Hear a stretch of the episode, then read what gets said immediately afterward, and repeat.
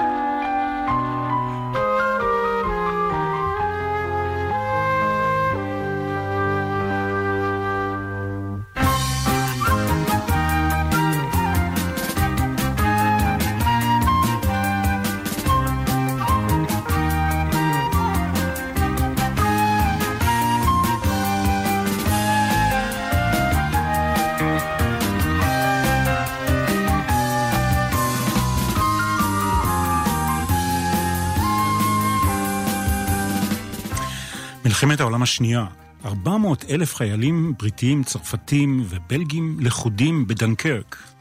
דנקרק, עיר נמל בצפון צרפת, לא רחוק מגבול בלגיה. מנגד, הצבא הגרמני וטנקי הפנצר שלו מאיימים לחסל את חיילי בנות הברית המצויים במצור עם הגב לים. במבצע חילוץ מזהיר שנקרא Operation Dynamo, מצליחים לחלץ את החיילים ולהעביר אותם לחוף מבטחים. עושים את זה בספינות ובסירות שונות, דרך מה שמכונה uh, The English Channel, כלומר, תעלה האנגלית. ומכאן, ברשותכם, פלשבק שבע שנים לאחור, אל שלושה גיבורים, הגיבורים הראשיים שמעצבים את הנובלה הקצרה The Snow Goose. פיליפ ריידר, אומן וצייר שחי לבדו במגדלור נטוש בשדות אסקס. פריתה, נערה מקומית צעירה, ואווז השלג, הסנוגוס שלנו. האווז נפצע מירי של ציידים. פריתה מוצאת אותו, מטפלת בו, יחד עם ריידר, אה, עד שהוא מחלים ופורס כנפיים. הטיפול באווז מקשר בין השניים. הסיפור מתרחש על פני מרחב של שבעה חורפים. פריתה היא ילדה צעירה, גדלה והופכת לנערה. ריידר הוא גיבן ונכה, הוא בן 27 כשהקשר ביניהם אה, מתחיל. בהדרגה מתפתח כאן סיפור של ידידות אמיצה שהופכת לסיפור אהבה שבסופו של דבר לא מתממש. האווז שלנו, שנרפא כאמור, מגיע בנדודיו מדי שנה אל המגדלור באסקס כדי לשוב ולבקר את החברים שהצילו אותו, פריתה וריידר. בינתיים פורצת אותה מלחמה ארורה. ריידר וסירת המפרש הקטנה שלו נחלצים במסגרת מבצע החילוץ הגדול לסייע בפינוי החיילים הלכודים בדנקרק. אווז השלג אה, שחג מעליו מורה לו את הדרך, אבל בסופו של דבר, לאחר שהציל כמה מאות חיילים, ריידר נעלם. הוא וסירתו שקעו כנראה במצולות. האווז חוזר לבדו לבשר את הבשורה לפריתה. וזה עוד לא הכל. טייס קרב גרמני מפציץ והורס את המגדלור של ריידר ואת כל יצירות האומנות שלו. פרט לדיוקן אחד, ציור של פריתה כילדה קטנה ובזרועותיה אווז השלג הפצוע. אנחנו שטים הפעם לאי בודד עם המוזיקה של להקת קמל שנכתבה בהשראת ספרו של פול גליקו, The Snow Goose. אני מנחם גרנית ואני מאחל לכולנו הפלגה נעימה.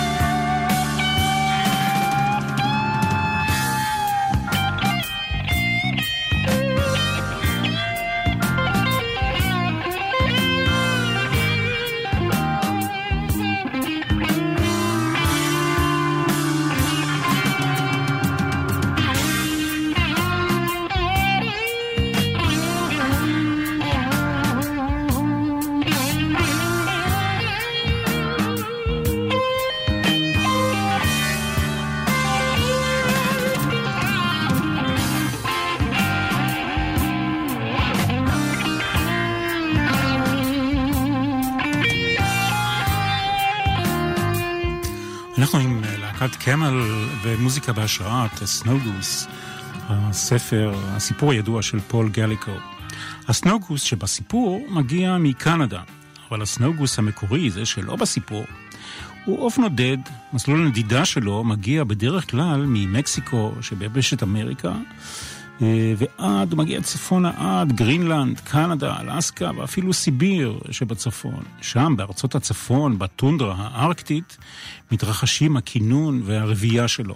לעיתים נדירות יחסית, העוף הנודד הזה מגיע לאירופה ולאיים הבריטיים.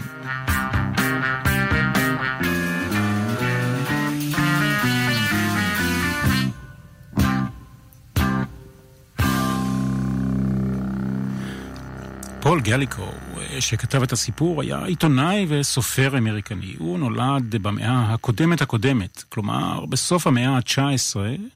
בתחילת הקריירה שלו הוא היה כתב ספורט. הוא נודע כאחד מעיתונאי הספורט המוכשרים ביותר אה, באמריקה. בהמשך זנח את הספורט והיה לסופר. כותב סיפורים, בעיקר סיפורים קצרים. הוא עזב את ניו יורק והשתכן באנגליה. במהלך חייו הוא נדד בין ארצות שונות, ליכטנשטיין, מונאקו, מקסיקו, ואת שנותיו האחרונות הוא סיים באנטיב שבצרפת. הספר שבו אנחנו עוסקים הוא אולי הסיפור הידוע ביותר שלו. לא מעט, כמובן, בזכות העובדה שלהקת קאמל הבריטית החליטה להפוך אותו ליצירה מוזיקלית. הנערה, האומן והסיפור עצמו הם בדיוניים לחלוטין, סיפר בשעתו פול גליקו. סיפרו לי לא פעם, הוא אמר, שבמקומות מסוימים אבז השלג המופיע מעל דנקרק הפך לאגדה. נאלצתי להשיב לאנשים רבים שכתבו לי שזו הייתה המצאה מוחלטת.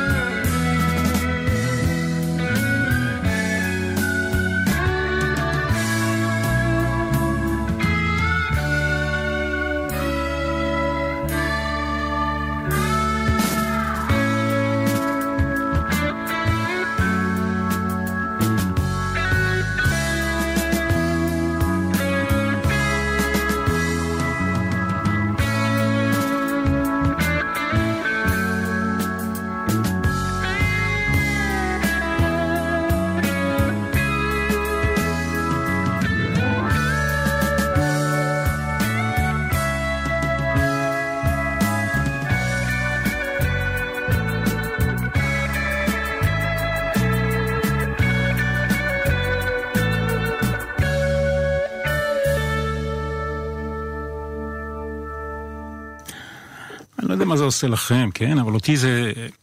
המוזיקה הזאת זורקת אותי 44 שנים לאחור. אה, אל ימים יפים של הרוק המתקדם, המלודי, אה, ולמרות שאני לא שחיין גדול, כן, אני גומע את הקילומטרים אה, מהאנגליש, באנגליש צ'אנל, מדנקרק ועד חופי בריטניה, ממש ממש בקלות ובהנאה גדולה. אנחנו כאמור עם מוזיקה בהשראת The Snow Goose של להקת קמל, השנה היא 1975.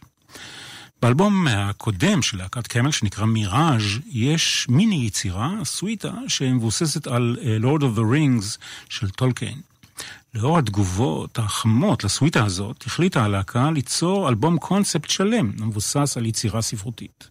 אחת הבחירות הראשונות שלהם הייתה סידהרתה של הרמן הסה. הם אפילו כתבו כמה שירים ראשונים, אבל הם זלחו את הרעיון הזה ובחרו, כאמור, בסנוגוס של פול גליקו. אחת הטעויות הגדולות שפול גליקו עשה הייתה להתנגד. כן, להתנגד לשם של המיזם המוזיקלי של להקת קמל. הוא איים לתבוע את הלהקה על הפרת זכויות יוצרים, אם יקראו לאלבום שלהם The Snow Goose. ועל כן נאלצה הלהקה לשנות את שם האלבום ל-Music Inspired by the Snow Goose, כלומר מוזיקה בהשראת הסיפור הזה. במקור רצו חברי הלהקה לחבר מילים לקטעי המוזיקה, מילים שמתבססות על הספר כמובן, אבל גם הרעיון הזה נפסל מחשש לתביעה משפטית. מכאן שהאלבום כולו הוא יצירה כלית, בלי שירה, ולא ברור ממה נבעה ההתנגדות של פול גליקו. ברור, מעבר לכל ספק, שהיצירה הזו של קאמל פרסמה את הסיפור שלו בקרב מיליוני שוחרי מוזיקה בעולם. אני כמובן הייתי ביניהם. אני זוכר היטב כיצד אצתי רצתי להזמין את הספר, שהפך באותם הימים לרב מכר מהאמזון של אז. היו אה, אתרי אינטרנט שונים שטענו שההתנגדות של גליקו נבעה מכך שהוא שנא סיגריות ומעשנים, והוא חשב בטעות שלהקת קמל קשורה איכשהו ליצרנית הסיגריות קמל. אם תציצו בעטיפת האלבום השני של הלהקה, מיראז', תוכלו להבחין שיש דמיון משמעותי בין העיצוב של העטיפה לזה של חפיסת הסיגריות של קמל. אבל הטיעון הזה, כמובן, הוא קשקוש אחד גדול. הסופרת הבריטית אה, ג'יי קיי רולינג אה, סיפרה בשעתו שאחד מספריו האחרים של אה, גיאליקו היה אחד ממקורות ההשראה שלה לכתיבת סדרת הספרים הידועה שכתבה, סדרת ספרי הארי פוטר.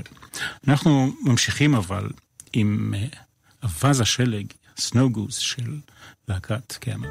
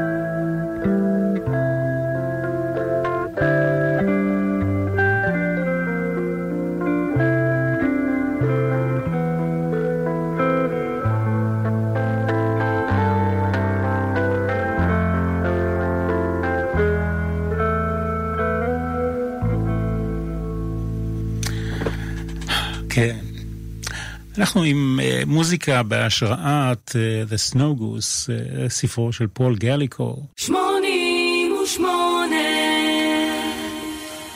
כן, אנחנו על אי בודד עם להקת קמל. הסיפור של פול גליקו, The Snow Goose, התפרסם לראשונה ב-1940 ב-Saturday Evening Post. הוא זכה בפרס על שם הסופר האמריקני או הנרי לסיפורים קצרים. אחר כך הוא גם זכה למהדורה מודפסת. כמה וכמה מהדורות. דוגמאות מהכריכות השונות של המהדורות המודפסות האלה, תוכלו למצוא, אם כבר הצטרפתם, אה, בדף של התוכנית. התיאטרון הלאומי הבריטי הפיק תסקית רדיו עם סר לורנס אוליביה בשנת 1954. שמעתי את זה היום, זה נמצא ביוטיוב, אני אולי אשלח לכם קישור לדף. 30 שנים אחרי הופעת הסיפור לראשונה, כלומר ב-1971, שזה ארבע שנים לפני שיצא האלבום של קמל, הפיקה הטלוויזיה הבריטית סרט שהתבסס על הסיפור הזה של גליקו עם ריצ'רד האריס הנפלא בתפקיד ריידר. את התסריט כתב הסופר בעצמו, והסרט זכה באותה השנה בפרס באפטה, פרס האקדמיה הבריטית לטלוויזיה וקולנוע. שוב, אם זה מעניין אתכם, יש קישור לסרט הזה בדף של התוכנית אלבום לאי בודד. המוזיקה שמלווה את הסרט הזה היא לא המוזיקה של להקת קמל, הסרט פשוט נוצר אה, ארבע שנים לפני. המוזיקה ל Snow Goose של להקת קמל נכתבה במהלך שבועיים ימים על ידי שני היוצרים המרכזיים בלהקה, אנדי לטימר ופיטר ברדנס, בקוטג' כפרי בדבון שבדרום אנגליה. האלבום ראה אור באפריל 1975, יש גרסה נוספת שהוקלטה על ידי אנדי לטימר וראתה אור לא מזמן, ב-2013. גרסה שהיא נאמנה למקור והוקלטה כהצדעה להרכב המקורי, ובעיקר לזכרו של פיטר ברדנס, שמת ב-2002 בגיל 57 אה, מסרטן ריאות. אם אנחנו נספיק, אנחנו נשמע אולי ממנו משהו. אה, על כל פנים, אנחנו ממשיכים עם הגרסה המקורית של קמל מ-1975, 11 אה, דקות ו-9 שניות של תענוג. להנאתכם.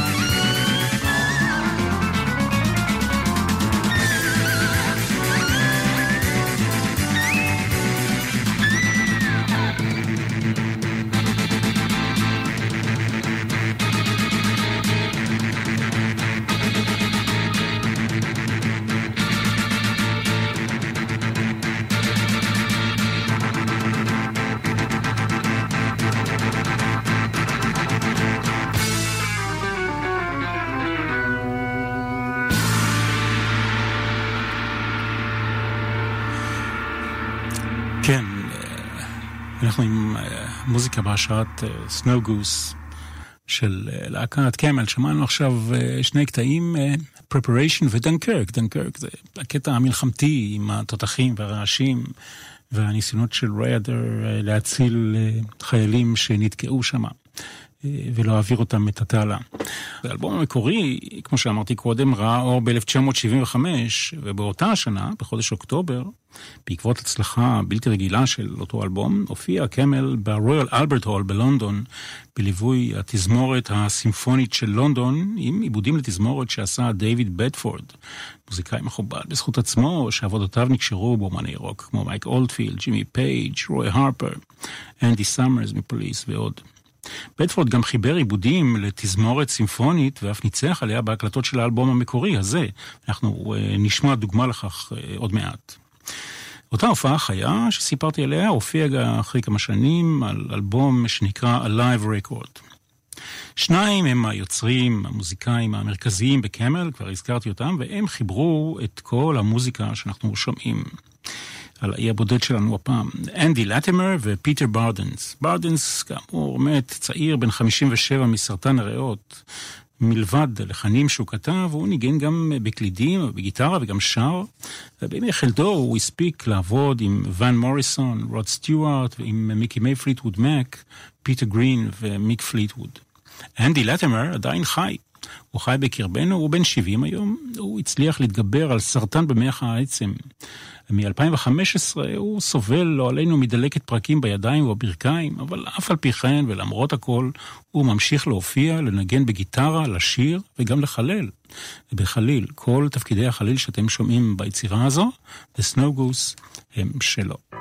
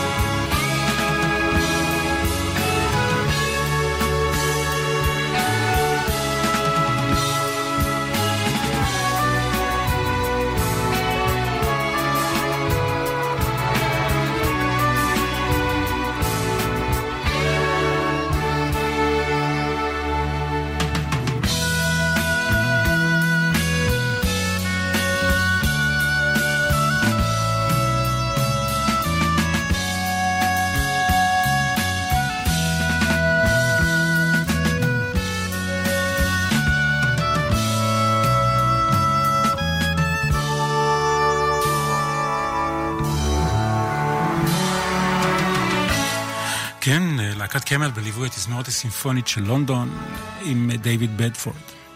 באמצע שנות ה-70, הימים הם ימי הרוק המתקדם. קמל פועלת במרחב מוזיקלי שעוצב על ידי להקות כמו פינק פלויד, ג'נסיס, קינג קרימזון, יס ואחרות. קמל מזוהה עם הזרם הזה, אם כי אה, המוזיקה שלה רחוקה מלהיות ניסיונית, אוונגרדית או תלושה מתרבות הרוק. מסתבר שכיום אה, ברחבי העולם יש כמה וכמה להקות שמתבססות על הרפרטואר של להקת קמל.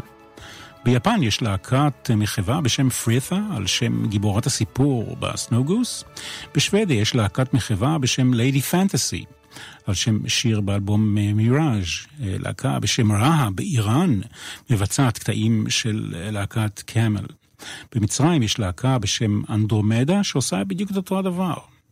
בשנת 2010 אה, אה, כללה להקת הרוק הנורבגית הפרוגרסיבית אה, מיראז', הנקראת על שם האלבום השני של קמל, יצירות של הלהקה לצד קטעים של ג'ת'רו טל, יס וקינג קרימזון.